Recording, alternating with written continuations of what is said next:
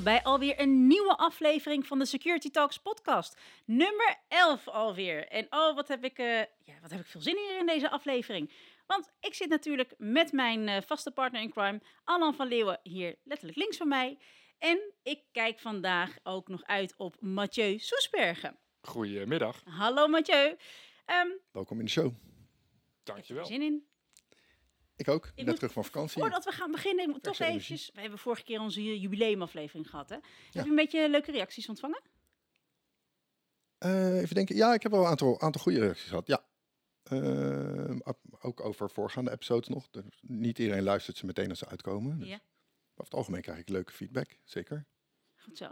Ja. Jij, Mathieu, wat, eh, wat vind jij van de, de show tot nu toe? Ik, eh, ik heb verschillende afleveringen natuurlijk geluisterd. En eh, er zijn natuurlijk leuke onderwerpen die voorbij komen. Die, die ook buiten mijn, mijn vakgebied soms interessant zijn. Dus nee, ik vind het zeker wel leuke, leuke dingen. Mooie, mooie achtergrondverhalen die erbij zitten. Dus nee, er steekt er een hoop van op. Mooi zo. Voor de luisteraars, ja, ik ben natuurlijk Rasha Noem, host van deze show. Alan, die is jullie inmiddels ook bekend. Mathieu, jij zit hier voor het eerst aan tafel. Ehm, voor degenen die jou niet kennen, kun jij eh, jezelf even kort introduceren? Ja, ik ben eh Mathieu Soesbergen. Ik ben twee jaar geleden begonnen bij eh, Motive als pre-sales consultant. Nou, natuurlijk ondertussen onderdeel van het grotere Atos. Ehm, echt ook, zoals mijn andere collega pre-sales die hier aanwezig zijn geweest, echt een vakidioot. Hou me dagelijks bezig met de ontwikkeling van, eh, van security. Zowel technisch vlak als op sociale kant. En eh, in mijn vrije tijd eh, ben ik veel op reis om eh, de andere delen van de wereld te zien. En ook vooral eh, te kijken hoe daar eraan toe gaat. Ook op het gebied van security. Leuk. Nou, ik ben heel benieuwd naar het onderwerp dat jij vandaag voor ons mee hebt genomen. Maar voordat we naar jou gaan, ja, dan eh, trappen we af met Alan. Alan, Hey. wij, eh, wij hebben dit keer een beetje voorbesproken. Of tenminste, het kwam, Ja, klopt. het, het kwam zo ter sprake. En er, Ja. kwam, er kwam een heel mooi onderwerp voor vandaag. Ja, ik ben net terug eh, van vakantie. Een weekje in Las Vegas geweest. Een vriend van mij zou meegaan, maar heeft op het laatste moment afgezegd. Bedankt, Erik. En Maar, maar dat mag jou niet stoppen. Nee, ik ben op een lekker solo tourtje in Las Vegas gegaan. Eh, en dat was fantastisch. Ik heb echt super tijd gehad. Ik heb heel veel poker gespeeld. Ehm, dat heeft me heel veel geld gekost. Maar het was toch een fantastische, onvergetelijke vakantie. En ik dacht, misschien leuk om eh, de, eh, mijn hobby en mijn werk eh, een stukje te combineren in wat we bespreken in de podcast. Dus ik ga het vandaag hebben over de security issues rondom poker. En dan zowel live poker als online poker. Oh, ik ben heel benieuwd, Alan. Omdat ik weet eigenlijk allebei hobby's van jou. Hè? Zelfs security is jouw hobby. Of het is, Ja, jouw werk is ooit als hobby begonnen. Ja. Dus ik ben heel benieuwd ehm, wat jij je gaat vertellen nu. Alright. Ehm, nou, er zijn een paar verschillende soorten security issues. Ik heb ze gecategoriseerd. Als eerste heb je het probleem van artificial intelligence en bots. Dus geautomatiseerde spelers waar je eventueel online tegen zit spelen die zo goed als perfect spelen. Hoe groot is dat probleem? Daar gaan we het zo over hebben. De kracht van de random number generators. Ehm, computers kunnen eigenlijk geen willekeurige nummers genereren. Dus er zijn trucken voor. Als je dat niet goed implementeert, dan zit er een zwakte in. En dan kun je, nou in het geval van poker, kun je dus uitrekenen welke kaarten er komen bijvoorbeeld. Eh, dan een onderwerp dat heet superusers. Dat gaat over een soort interne fraudesituaties. En als laatste de evil maid attack. De, De evil maid attack. Oké. De, de, de, de slechte schoonmaakster. Of noem je dat? De, de, de boze schoonmaakster. De grote boze schoonmaakster. right, oké. we gaan het eerst even hebben over de artificial intelligence in poker. Eh, mensen vragen zich af, is het überhaupt nog mogelijk om te winnen in online poker? Of zit dat helemaal vol met bots en spelen die allemaal perfect en is het eh, zinloos? Nou, dat ligt aan het spel. Je hebt verschillende varianten van poker. Varieert ten eerste hoeveel mensen er aan tafel zitten. Een volle tafel is negen mensen. De tiende stoel is van de dealer. Ehm, en je hebt eh, tot aan heads-up poker, dat is één tegen één. Nou, natuurlijk is heads-up poker is veel eenvoudiger. En heads-up poker, en dan met name de limit variant. Je hebt no limit en limit poker. En die limit variant die is helemaal opgelost door de computers. Dus die, er staan nu ook automaten in Las Vegas. Daar kun je limit poker tegen de computer spelen. En het huis wint altijd. Oké. En, als je, en als je online speelt, wordt het dan ook aangegeven van, joh... eh, Er wordt in ieder geval heel duidelijk gemaakt dat het niet toegestaan is om bots te gebruiken. ja. Ehm, maar ja, of je tegen een bot zit, dat weet je nooit. Ja. Wel eh, houdt iedereen heel veel statistieken bij en daar kan heel veel uit worden opgemaakt. Anyway, hoe complexer het spel, hoe kleiner de kans dat er echt een goede bot aan tafel kan zitten. Het heads-up spel is opgelost, de grotere spellen minder. Eh, we hebben wel de laatste jaren iets nieuws en dat eh, zijn zogenaamde solvers. Dat is een stukje software dat draait tijdens het spelen. En die geeft jou basically gewoon advies wat je moet doen. Dus die lost de situatie voor je op. Die zegt, oké, die meneer heeft geld erin gestopt, die nog meer. Nu heb jij deze kaart, dit moet je doen. En dat mag? Nee, ten, ten strengste verboden.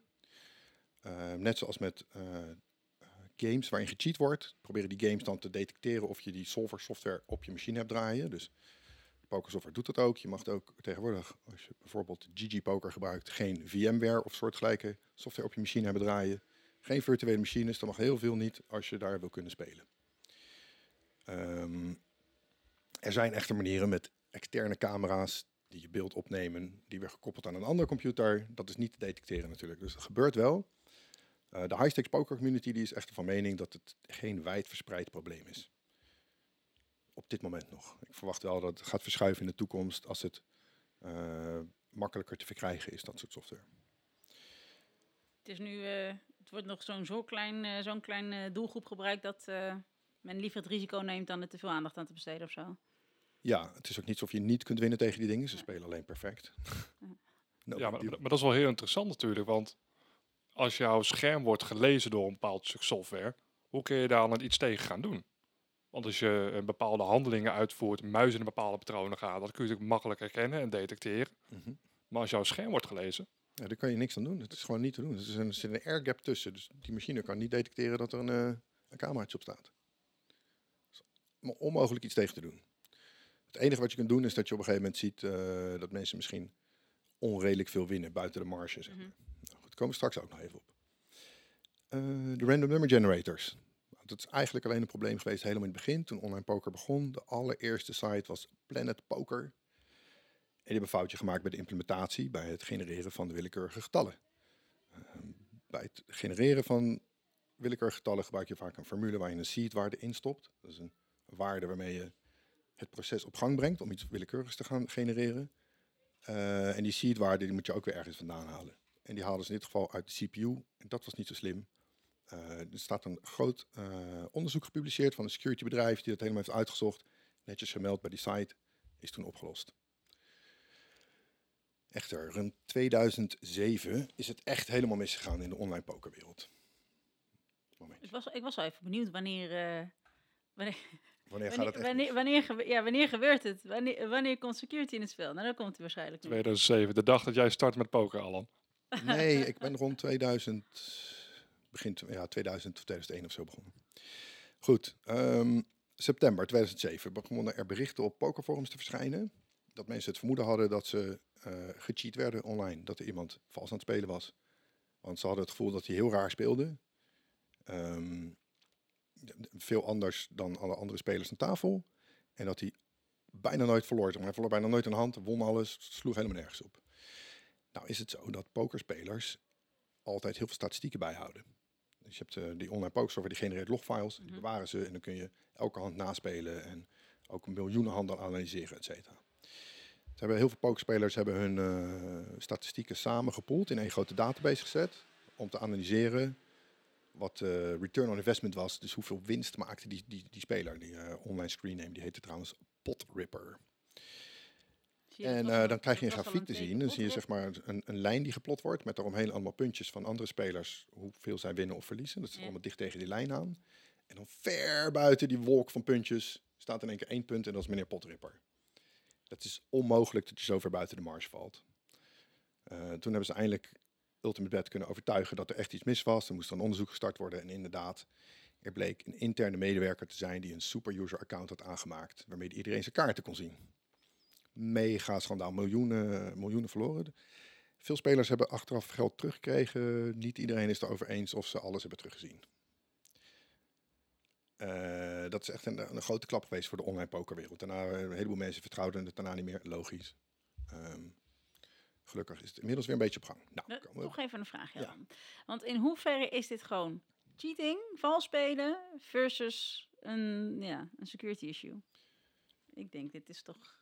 Het, nou ja, het is niet een, uh, een kwetsbaarheid of zo. Maar mm -hmm. um, het ging je natuurlijk gewoon om de interne processen van het bedrijf die niet ja. goed hebben gewaarborgd.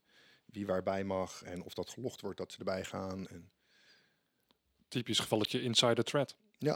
Een duidelijk insider threat. Nou, dan hebben we een ander soort aanval die is bekend als de Evil Maid Attack. Dat gaat over de schoonmaakster die in jouw kamer wat stoute dingen komt doen. Goed, dit is een interessant verhaal omdat het ook deels zeg maar, fysiek, eh, in de fysieke wereld plaatsvindt. Het was eh, in 2013 is dit voor het eerst in het nieuws gekomen. In eh, het casino in Barcelona. Er werd de European Poker Tour gespeeld.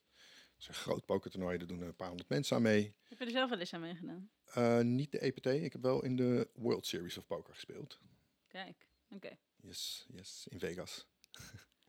Eh, nou, dit is een toernooi dat kost 5000 dollar om aan mee te doen. Dus daar spelen bijna alleen maar professionals in. Dus dat hele casino zit vol met rijke pokerspelers. Ehm, een van die spelers die, eh, ging het toernooi uit. Hè, die verloor al zijn chips en die dacht ik ga terug naar mijn kamer. En die merkte dat zijn sleutel het niet deed op de deur. Nou, kan wel eens gebeuren. Heb ik ook wel eens gehad in een hotel. Dan ga je naar de balie, hou je niet op pasje, doet hij het weer. Komt hij in zijn kamer, is zijn laptop weg. Oh. Ik, ik krijg gewoon echt weer kippenvel. Goed, hij komt in zijn kamer, laptop weg. Dus hij denkt, ja, kan- eh, misschien heeft mijn- hem meegenomen. Of schoonmaakster hem even opzij gelegd of zo. Dus hij denkt, ik loop even naar beneden. Zoekt die vriend van hem, die zegt, ik heb je laptop niet. Hij gaat terug naar de kamer. Laptop weer terug op zijn plek. Super shady. Nou, hij zet zijn laptop aan en krijgt meteen een, eh, een Windows Restore scherm en zo. Dus allemaal indicatoren dat er met zijn laptop gemorreld is. Ehm, Fout, fout, fout. ja, nou, in diezelfde pokerforums is dat allemaal weer besproken. En zijn meerdere spelers naar voren gekomen dat ze soortgelijke dingen hebben meegemaakt. Ehm, in dit geval, in dat hotel, is het vermoeden dat er echt heel veel laptops malware geïnstalleerd is. Dus de Evil Mate gaat naar binnen terwijl je niet in je kamer bent. eh, met een USB-stickje om malware op je machine te zetten. Zodat als je later online gaat pokeren, dat ze of je wachtwoord kunnen stelen of je kaarten kunnen zien. En op die manier veel geld kunnen ontfutselen. Het is niet om je, om je wallet leeg te trekken. Ja, dus, dus, ehm, als ze je paswoord hebben, dan hebben ze toegang tot je online poker account. ja. En die mensen die hebben honderdduizenden dollars online in hun account staan. Oh, wauw. En is dat toen ook gebeurd? Zijn daar aanwijzingen voor dat dat op grote schaal gebeurd is? Ehm, er is eh, één eh, bekende pokerspeler, heet Jason Koen, die heeft gemeld inderdaad dat hij ook een soort verdachte situatie had. En dat hij kort daarna online tegen een bepaalde screenname iets van 50.000 dollar verloren heeft. In verdachte potten, waarvan hij ook zegt, dit gaat heel raar. Mhm. Ziet hij mijn kaarten of zo? Ja, hij zag je kaarten. Ehm, verder niet heel veel berichten over dat het echt is misgegaan. Wel weet ik dat ze die, ehm, zowel die, die gast waar het verhaal over ging, ik ben zijn naam kwijt, eh Kilonnen, eh, als zijn kamergenoot, die hebben allebei hun laptop aan F-Secure gegeven. Die jongens kwamen ook uit de Nordics, dus dat is dan de partij die je kiest, hè, uit Finland. Ehm, en die hebben kunnen vaststellen, inderdaad, bevestigen dat er malware op die machine stond. Dus het is niet gewoon mensen die paranoia zijn. Dit is daadwerkelijk gebeurd. En het zijn ook high-value targets. Hè. Die mensen hebben echt heel veel geld in hun poker-account staan. Nou ben ik benieuwd. Want we hebben het een keertje eerder ook in eh, een van de afleveringen gehad over eh, wachtwoorden. Ja. Maar ja, als er eenmaal malware eh, geïnstalleerd is en ze hebben je wachtwoord, ja, dan kan je wel een sterk wachtwoord hebben. Maar daar heb je natuurlijk niks aan. Nee, dan moet je twee-factor authenticatie gebruiken. Oké, En dan moet die tweede factor niet ergens op je laptop draaien. want dan heb je er Ja, nog dus niks aan. toe. ja. Maar zie jij, eh, ik weet niet van wat je er überhaupt hebt eh, of over kan vinden, dan wel bij, bij je bekend is, omdat de pokerwereld jou niet vreemd is. Weet jij of, eh, of er steeds meer van eh multifactor authentication gebruik wordt gemaakt? Nu met Ja, in de pokerwereld? Ja hoor, ja, het was eerst helemaal geen optie bij de pokersite. Ja. Net zoals de rest van het internet gewoon één laag authenticatie had. En in de laatste jaren is dat geïntroduceerd en wordt het sterk aangeraden. Bij sommige pokersites kun je een apparaatje bestellen waar de getalletjes op komen. Eh, Sommigen bieden nu een app aan. In het begin was het altijd die apparaatjes. Eh, ja, dus de, de, de pokersites waar serieus geld in omgaat, die bieden dat allemaal als, als eh, optie. Het is niet verplicht, Mhm. maar het wordt wel aangeraden. En je ziet op de forums dat ze dat ook allemaal elkaar aanraden. Dus er zijn voldoende mensen die het snappen. Leggen het aan de andere pokerspelers uit. Wordt er nog iets anders gedaan aan een soort van malware prevention? Of? Eh, ja, ja, ze geven elkaar wel security tips. Hè. Ik heb op de forums een beetje te kijken. En dan zie ik inderdaad wel mensen die toch wel eh, enige security achtergrond hebben. Die proberen iedereen een beetje te helpen. Maar het zijn voornamelijk dingen van... Zorg dat je alles goed update. Zorg dat je een antiviruspakket hebt draaien. Zorg dat je twee-factor authenticatie gebruikt. De bekende tips. De bekende tips. Dus jij past er zelf natuurlijk ook allemaal toe. Want wat ik zei, het zijn twee werelden voor, voor jou die jij... eh, Ja, zeker. Ik heb op alles wat een financiële impact heeft, heb ik twee-factor authenticatie. Daar ben ik heel secuur in.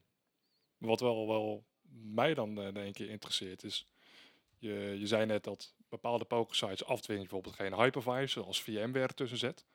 Maar worden dan ook bepaalde scans op je laptop uitgevoerd van, vanaf buiten om eh, de pokersites te garanderen dat jouw laptop veilig is?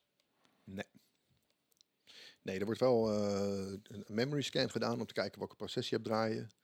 Om, om eh, VMware of eh, solver software te kunnen detecteren. Het is een beetje net zoals de cheating software dat doet. Dus ook, ook als je Modern Warfare 2 speelt, moet je de anti-cheat software installeren. Maar die kijkt niet of je machine veilig is. Nee, dus maar bepaalde dingen zouden zij eruit kunnen halen. Dus die memory scan zouden zij wel bijvoorbeeld in kunnen zetten en jou uit het spel kunnen halen. Een stukje verantwoordelijkheid die een pokersite neemt. Ja, natuurlijk de wereld wel omgedraaid. ja ze schuiven graag de verantwoordelijkheid af, denk ik. Ja, natuurlijk, dat, dat Ik verwacht ik ook. wel. doen onze banken ook graag er, natuurlijk. is hè. geen, eh, er is in die zin geen eh, poker, com- secure po- poker community. Nee, niet echt. De verantwoording ligt echt bij jezelf. Ja, Ik zie hier het iets het jou, eh, mensen eh, die geen IT-achtergrond hebben. Ik heb contact met een aantal pokerspelers waar ik eh, gezegd heb dat ik in de security werk. En dat als ze verdachte situaties hebben, dat ze contact kunnen opnemen. Ik eh, zie hier een mooie community in opkomst. Ik heb mij een tijdje geprobeerd op de forums om er een beetje in te mengen. Om die mensen een beetje advies te geven. Maar zoals ik zei, ik zie ook dat er andere mensen aanwezig zijn die zich ermee bemoeien. Dus het zit wel oké. Wat ook vaak in de pokerwereld voorkomt, trouwens, had ik niet hier eh, bij mijn notities staan. Is ehm, eh, overname van accounts. En vervolgens eh, iemand nadoen, dus impersonation. En pokerspelers lenen heel veel geld uit aan elkaar. Mhm. Tienduizenden, soms honderdduizend dollar, heel makkelijk. Hoeven elkaar amper te kennen. Tuurlijk, waarom niet? Ja, en dan, eh, dan krijg je dus eh, Skype-berichtjes of WhatsApp-berichtjes. Waar staat, oh hey, eh, ik wil even dit toernooi spelen, ik heb even 10k nodig, kan je even snel wat overmaken? En dat gaat ook heel vaak mis. Dat is, daar is echt heel veel over geschreven hoe vaak dat misgaat. En dan denk je, het is maar, is, maar een kaartspel, maar zo zie je maar weer. Er gaat heel veel geld in om. Er gaat en veel geld in om en de nodige criminaliteit die dan toch weer om de hoek komt kijken. Yes, There where's money is crime. This is true. Leuk, leuk onderwerp. bringing the facts. Nou, hey, gaan we over naar Mathieu. Ja, nee, nee, ik werd natuurlijk van de week gevraagd om ook wat, eh, wat te bedenken om, eh, om deze podcast mee te nemen. En ben ik een beetje het, eh, het nieuws gedoken van de afgelopen weken. En daar zag ik dat eh Artis recent eh, eh, slachtoffer is geworden van een Apenpokkenvirus. apenpokkenvirus. Ja, dat is een hele, hele scherpe. Nee, ik, ik, zit, ik zit hier scherm ondertussen alleen maar een eh, ransomware aanval, dus een gijzelsoftware aanval. Ehm, waarbij een dag de systemen eruit hebben gelegen. eh, bezoekers alleen aan de kassa kaartjes konden, konden kopen. Nou, dat is natuurlijk heel, eh, heel vervelend dat hun online eh, platform daarin niet, niet werkt. Maar wat mij dan, eh, dan opvalt, is dat hebben zij op 18 juli een nieuw persbericht gepubliceerd. Waarin staat eh, genoemd dat zij eh, de aanval hebben kunnen afwenden. ehm, door, eh, wordt gesuggereerd, door een backup terug te plaatsen. Ik denk van, ja, dat is natuurlijk wel een manier om je systemen uit te zetten Mhm. een backup terug te zetten. En dan werk je systemen weer. Kun je weer tickets online verkopen. Maar dan vraag ik mij als eh, inhoudelijk persoon af van... Hey, heb je die aanval wel afgeweerd? Of heb je nou eigenlijk gewoon je oude situatie weer gecreëerd? En wat hebben ze dan gedaan om al dit, de, de, analysis om gedaan? dit te voorkomen? En het post-analysis gedaan. Ja. Als je niet weet hoe ze zijn binnengekomen, dan, dan kan je nog niet beginnen met herstellen eigenlijk. Eh, precies, ze hebben hun, hun dagelijkse operations daarin eh, eh, weer hersteld. Maar hebben ze het wel afgewend? Of zit die, eh, die dreiging nog steeds binnen? En zijn ze volgende maand weer aan de beurt? Ik vind het heel sneu voor Artis. Die hebben het Ja, financieel al heel zwaar de afgelopen twintig jaar, geloof ik. Nou ja, sowieso dierentuinen hebben aardig wat te te lijden gehad eh, door, eh, de door de pandemie. Ja. En waarom een dierentuin? Ik denk omdat ze makkelijk Omdat binnen konden komen. Omdat het kan. Ja, Wie, laaghangend wie Artis niet? Weekendarts niet, dat is waar. Maar je, kon dus, je kon dus nog steeds naar binnen. Maar wat ik dan wel interessant vind, want jij zegt inderdaad, wat hebben ze nou gedaan? Hebben ze alleen een backup geplaatst en zijn ze doorgegaan? Dan vraag ik mij af, de vraag die dan bij mij gelijk naar boven komt, is hoe vaak gebeurt het eigenlijk nog? Dat organisaties inderdaad denken, oké, eh, ja shit, eh, een eh, cyberaanval, snel backups terug en weer door met business as usual. Ehm, ik ik, ik heb het wel eens in de realiteit meegemaakt. Dat ik een bedrijf aan het helpen was met herstellen. ehm, dat we dachten de root cause te hadden afgesloten. En dat er toch ergens nog wat bleef hangen. En toen we, waren we net backups aan terugzetten. En voor we wisten, begon de encryptie alweer om zich heen te slaan. Ja, dan moet je even alles stopzetten en toch even kijken waar, waar zit dan nog het laatste restant. Waar hebben ze nog toegang? Hebben we weten te vinden. Uiteindelijk hebben we het kunnen oplossen. Ja, en waar, eh, wanneer zijn ze binnen? Wanneer kom je er ook achter? Dat is natuurlijk ook een grote vraag. Ja, meestal kom je er pas achter als het te laat is. Als Ja, de, meestal wel. de crypto melding eenmaal op je scherm staat, dan weet je zeker dat ze binnen zijn. En dan ben je te laat. Ja. Dan zijn ze al binnen. Maar is dat niet juist wat we nu proberen te voorkomen met z'n allen en met technologie die nu beschikbaar is om juist eerder die detectie te hebben alvorens eh ze tot zo'n ver punt zijn gekomen en, eh en natuurlijk. eh, Daarom- alles daarom. geblokt wordt? Daarom is dat bedrijf ook klant geworden van ons. Ah, kijk. Nou, maar dat is iets wat je natuurlijk de laatste jaren ziet met, tenminste de laatste tijd ziet met segmentatie van, van je netwerken. Ik beveel de klanten altijd aan om een netwerk te segmenteren. Te kijken wat gaat er nou, eh, beweegt er nou binnen jouw bedrijf. Het is natuurlijk interessant te zien wat gaat er naar binnen en buiten aan verkeer. Maar wat gaat er ook van links naar rechts in je bedrijf? Waar gaat je personeel heen? Wat is Mhm. normaal gedrag erin? En dan kun je nog een stapje verder in gaan tot microsegmentatie. Dus echt je hele netwerk in kleine blokjes eigenlijk opdelen. Eh, en op die manier, als zo'n aanval binnenkomt, dan zit hij in dat, in dat hokje. En dan kan die dat, dat hokje gaan beschadigen, maar hij kan niet buiten dat hokje gaan treden. Ja, ik ben een groot voorstander. Het is natuurlijk wel eh, zwaar om zoiets te implementeren. Het is eh, vrij intensief. Maar het is wel de ultieme oplossing. Ja, elke machine kan alleen verbindingen maken die, die expliciet zijn toegestaan. Ja, je mag naar de Exchange server. Ja, je mag naar die database server. Je mag naar het internet. Die database server mag naar de webserver. Maar eh, dat zijn de alle connecties. En verder kun je proberen wat je wil. Kan niet. Die platte netwerken zijn echt een groot probleem. Dat is van oudsher nooit zo erg geweest. Maar dat, dat is nu echt wel een probleem. In hoeverre zie je dat eh, microsegmentatie steeds meer wordt eh, omarmd? En dat ja, het is tijd erover, maar ja, ik als ik zie het als vanuit eh, in opkomst. Oké. Ik zit natuurlijk regelmatig bij, eh, bij klanten aan tafel. En het is wel een gespreksonderwerp dat ik veel meer terug zie komen. Veel meer Mhm. klanten maken zich zorgen eh, hoe zij die dreigingen buiten kunnen houden als één. Maar ze gaan ervan uit, zeg ik ook tegen een klant, we gaan ervan uit, iemand kan binnenkomen. We doen er alles Mhm. aan te voorkomen, maar ze moeten hem ook, maar ze kunnen binnenkomen. En dan moeten we ook ervoor zorgen dat ze dan zo min mogelijk schade kunnen aanrichten op dat moment. Wel detecteren, maar ook zorgen dat ze zich niet kunnen verplaatsen. Meteen die dreiging in een hokje duwen. Nou, dat, is dat doe je met segmentatie. Zorgen ze niet uit het hokje kunnen, kunnen klimmen. Wat zijn daarin dan de grootste uitdagingen voor onze klanten of voor, voor bedrijven die eh, ja, aan de voet staan om eh, al dan niet microsegmentatie te overwegen? Wat, Nou. eh, waar, wat komt er allemaal bij kijken? Nou, wat je ziet is dat bedrijven van een behoorlijk omvang grote, grotere netwerken hebben. Er zijn veel apparaten verbonden, veel servers, veel databases, veel gebruikers, et cetera. Dus het is heel belangrijk om in kaart te brengen wat moet waar nou naartoe. Welke verkeersstromen zijn van belang? Welke server mag met een andere server communiceren? Welke gebruiker mag met een server communiceren, et cetera. Dus dat zijn dingen die echt goed in kaart moeten worden gebracht voordat je je netwerk gaat opknippen. Nou, hoe groot je netwerk, hoe groot je probleem eigenlijk eh, is. Inventarisatie, ja. Want je hebt, je hebt gewoon veel meer eh, eh, zaken die afhankelijk zijn van elkaar.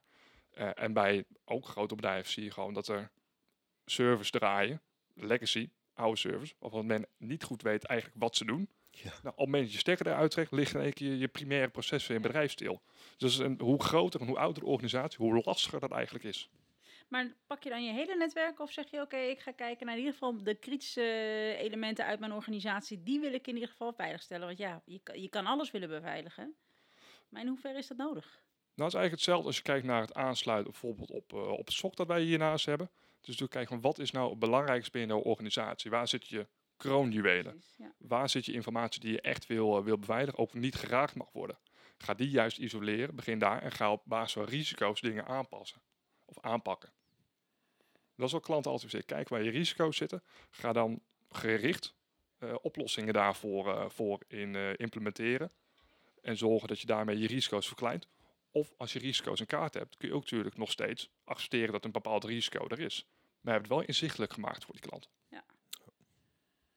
Interesting. Hey, Alain, je zegt uh, netwerksegmentatie is in, uh, is in opkomst. De microsegmentatie. Microsegmentatie is in op opkomst, excuus. Um, wanneer verwacht je dat dit echt een, um, echt een ja, wat meer vaart gaat nemen? En wanneer, wanneer bedrijven echt de overstap gaan maken, of tenminste de overstap in ieder geval microsegmentatie echt steeds meer gaan implementeren? Ja, ik denk dat Mathieu duidelijk maakt dat het voor grote bedrijven heel lastig is. En dat het daar ook gewoon langer zal duren. Die zullen beginnen met een deel van het netwerk eh, te microsegmenteren. Er zijn ook bedrijven die hebben een mooie greenfield situatie. Die beginnen schone lei. Ja, dan, dan zou ik zeggen, pak het vanaf het begin aan. Ja. En ik verwacht ook wel dat als iemand nu een architect inhuurt en die zegt, ik, ik heb een greenfield situatie, zeg ja, maar wat we hier gaan bouwen, dan zal hij zeker met een voorstel komen voor microsegmentatie. Anders moet hij misschien ander werk zoeken. Ja, als je een blanke, blanco canvas hebt, kun je daar natuurlijk meteen deze situatie in, in meenemen. En vanuit dat gedachtegoed de security by design toepassen. Yes. Maar dat je iets bestaans hebt wat werkt, moet je natuurlijk wel gaan aanpassen. Dat brengt ook uitdagingen met zich mee. Dus een greenfield scenario, dat is natuurlijk, eh, zal ik het altijd meenemen. Ja. En in het geval van... Huur ehm, Mathieu in. wat zei je? Ik zeg huur Mathieu in. Mathieu, in, zeker, zeker. En in het geval van, eh, van, van cloud-transities? Ja, dat, het is heel gechargeerd gezegd. eh, hoe ik zie op heel veel bedrijven de cloud aanvliegen. Zijn gewoon je datacenter verplaatsen naar de cloud. Dat is eigenlijk wat ze doen. Lift en shift. Lift en shift. Terwijl het niet het grote gedachtegoed van de, van de cloud is. Je hebt natuurlijk met flexibiliteit, schaalbaarheid heb je te maken. Dus een aantal zaken waar je gebruik van kunt gaan, eh, gaan maken. Maar ook natuurlijk is het in de cloud belangrijk om de security daarin op orde te hebben. Eh, en ook gewoon zorgen dat dus alleen servers die met elkaar dienen te communiceren, dat die ook met elkaar kunnen communiceren. Daarin ook eigenlijk, je hebt die, die, cloud is dan weer een greenfield scenario. Je hebt dan de kans, je gaat dingen oppakken, bouwblokken allemaal, allemaal verschuiven. Ja. Ga het dan meteen goed aanpakken. Maar je hebt dan een blanco canvas dat je opnieuw kan inkleuren. En een migratie naar de cloud, ook als je op een traditionele manier dat, eh, dat aanpast, eh, aanpakt, ehm, ga je jezelf problemen die je in je netwerk hebt, daar ook weer introduceren. Dus pak die kans nou om juist dan een nieuw design toe te passen eh, en dat goed aan te vliegen. Leuk. Heb je een greenfield situatie? Huur Mathieu in. En, en ben je thuis in de wereld van poker of wil je een introductie in de wereld van poker? Dan bel je Alan. Ik maak van jou een winnende speler. Mooi. Heren, leuk. Leuke onderwerpen. Poker en security en een, eh, en een dierentuin die wordt, ge, wordt gehackt. Ehm, en, ja, en hoe voorkom je nieuwe hacks door ook microsegmentatie toe te voegen? Toe te passen. Eh, nou, een hack voorkom je in die zin, eh, in die zin niet. Eh, je zorgt wel voor dat de schade minder groot is. Want die, die aanvallen blijft binnen je, je bestaande, bestaande hokje die dan wordt gecreëerd. Natuurlijk, op het moment dat je dat doet, ga je netwerk beter beveiligen. Eh, dus je maakt het voor de hacker een stuk lastiger om binnen te komen. Maar echt voorkomen, dat is de uitdaging die waar wij ons hier natuurlijk mee bezighouden. Kan dat nog? Nee, Het is wel gewoon een, een wapenwedloop. Hè? En dat betekent per definitie dat we altijd een beetje achter de feiten aanlopen. Hè, We moeten weten wat het nieuwe type aanval is voordat we het kunnen blokkeren of detecteren. Ehm, ik had een punt, maar ik weet niet meer wat. nou kijk, een, een hacker, kan, je, een kan, hacker kan je nog wat voorkomen, ja of nee? Nou, een hacker vindt altijd wel een manier om binnen te komen. Het is natuurlijk eh, interessant om te weten van hoe belangrijk ben jij? Wat is jouw aanvalsprofiel? Ben jij, heb jij heel veel te bieden of te halen? Nou, daarin Artis hierin die, eh, die aanval is natuurlijk een prominente naam. Dat is natuurlijk, iemand kan een bepaald doel hebben om dat kwaad in daglicht te stellen. Op het moment dat het doel groot is, bijvoorbeeld staatsgericht. Een energiecentrale heeft natuurlijk een hele grote impact als daar iets mee gebeurt in een land dan gaan er echt wel mensen veel proberen en veel geld tegenaan zetten om proberen daar binnen te komen en de boel plat te leggen. En dan kan een simpel een, een, een laptop van de gebruiker zijn die al een week niet geüpdate is, kan al een ingang bieden om bij een bedrijf binnen te komen. Dus het is heel, eh, het is heel lastig. We zijn dus ook wel bezig met een shift in de industrie. Hè? Eh, voorheen hebben we eigenlijk altijd geprobeerd om alle slechte dingen te kunnen detecteren. Maar het is onmogelijk om een lijst te maken met alle slechte dingen, want er komen altijd nieuwe dingen bij. You cannot enumerate all the bad. Ehm, en nu, nu bouwen we eh, sensoren met artificial intelligence, die veel meer kijken naar afwijkingen. Ehm, dus die shift zijn we aan het maken, omdat we die wapenwedloop nooit kunnen winnen. We kunnen er wel achteraan blijven rennen, maar we zijn altijd een stapje te laat. Anomaly detection op basis van AI, dat is daar een hele goede oplossing voor. collega van ons, eh, die, die zegt altijd mooi, eh, think like a hacker, act like a hacker. Vind ik altijd wel grappig als hij dat zegt. Ik ben benieuwd wie dat is. Dat vertel ik je straks. Ja. hey, heren, dank jullie wel. Hele leuke onderwerpen. En dan is er natuurlijk ook eh, tijd, zoals altijd, voor de fun tip. Alan, Ja, we bij mij. jazeker. Wat heb je meegenomen? Ik heb een, eh, een tv-show waar ik eh, afgelopen week aan verslaafd ben geraakt. Het heet Euphoria. Het, is, het staat op HBO Max, voor de mensen die dat hebben. Anders is het goedkoop, zou ik het aanraden. Voor deze ene show is het al waard. En er komt binnenkort een nieuwe... wat kwam daar? Nieuwe Game of Thrones eh, een prequel, of ik weet niet precies wat er komt. Iets met Game of Thrones. Anyway, ik raad sterk aan Euphoria. Gaat over eh, high, high school kids ongeveer. Dus zeg maar de kinderen leeftijd 18 tot 22 of zo.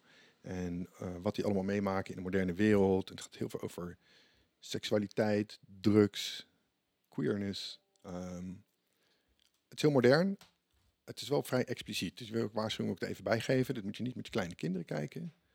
Eh, het is misschien wel de meest expliciete serie visueel die ik ooit heb gezien. Maar het is heel goed geacteerd en, en een heel goede raamvertelling. Dikke aanrader voor mij. Een 9.3 heb ik uitgerekend net. Een 9.3. Om eh, een kijkje te krijgen of een kijkje te nemen in de huidige generatie. Ja. Leuk. Naar boven of beneden afgerond. Het was 9.3333333. In het midden. Jij met je? Nou, ik was net zoals Alan eh, vorige week ook een weekje op vakantie. Eh, en in de vakantie eh, probeer ik altijd een boek te lezen. Wederom is dat niet gelukt om een heel boek te lezen deze vakantie. Maar toch wil ik hem, hem tippen. Ik ben het boek Start With Why gaan, gaan lezen. Heel cliché. Ehm, maar we doen natuurlijk van alles voor onze klanten om ze goed te beschermen. en goed van dienst te zijn. Maar dit boek gaat eigenlijk ook weer terug van waarom wil die klant dat nou? Waarom, wil, eh, waarom doen mensen wat ze doen, waarom ze doen? Dus eigenlijk de eerste vraag die ik, eh, die ik eh, een klant stel. Waarom wil je iets gaan bereiken? Nou, daar zoomt dit boek, boek op in. Dus leuk om, om dat te zien. Lees makkelijk weg. En kan ik wel, wel aanraden als je nou, nog op zomervakantie gaat en een boek zoekt. Is het een dik boek? Nee, nee, ik lees geen dikke boeken. Oké. Nou, dat is mooi. Ik, ik moet, ik moet nog misschien- vertrekken en ik eh, heb nog een boekenlijst eh, samen te stellen. Ik ga op Dus, eh, reis en ik neem mee. Ja, precies. en ja, als je heel eerlijk kijkt, we zijn best wel vaak geneigd om eh, gelijk al in een oplossing eh, te gaan denken. Maar ja, wat is dan die vraag achter die vraag? Die vergeten we nog wel eens eh, om die eh, goed af te pellen. Daarom. Leuk. Hey heren, dank jullie wel voor jullie tijd. Ik vond het echt super leuk dat jullie hier waren. Ik heb weer genoten van aflevering 11 alweer.